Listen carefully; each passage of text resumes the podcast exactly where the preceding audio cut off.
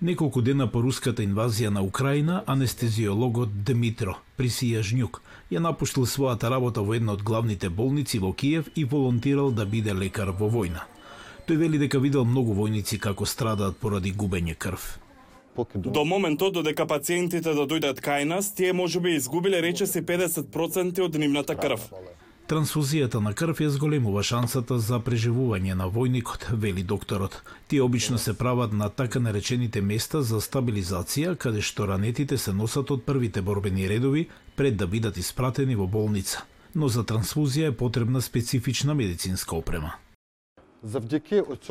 Со помош на оваа опрема можеме да подготвиме крв за трансфузија.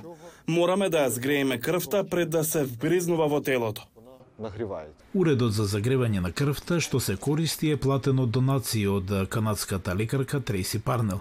Парнел прв пат дошла во Украина пролета 2022 година за да ги обучи локалните лекари за итна медицина.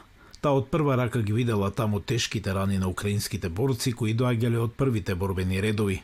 Откако се вратила во Канада, почнала да собира донации за да ги задоволи потребите на вооружените сили на Украина. So, um, you know, reached out to various uh, friends and people. Значи ги контактирав пријателите и имавме успех во собирањето средства и набавка на опрема, а потоа ја носевме далеку, честопати со обучувачи. Нема логика да се носат уреди ако никој не знае како да ги користи.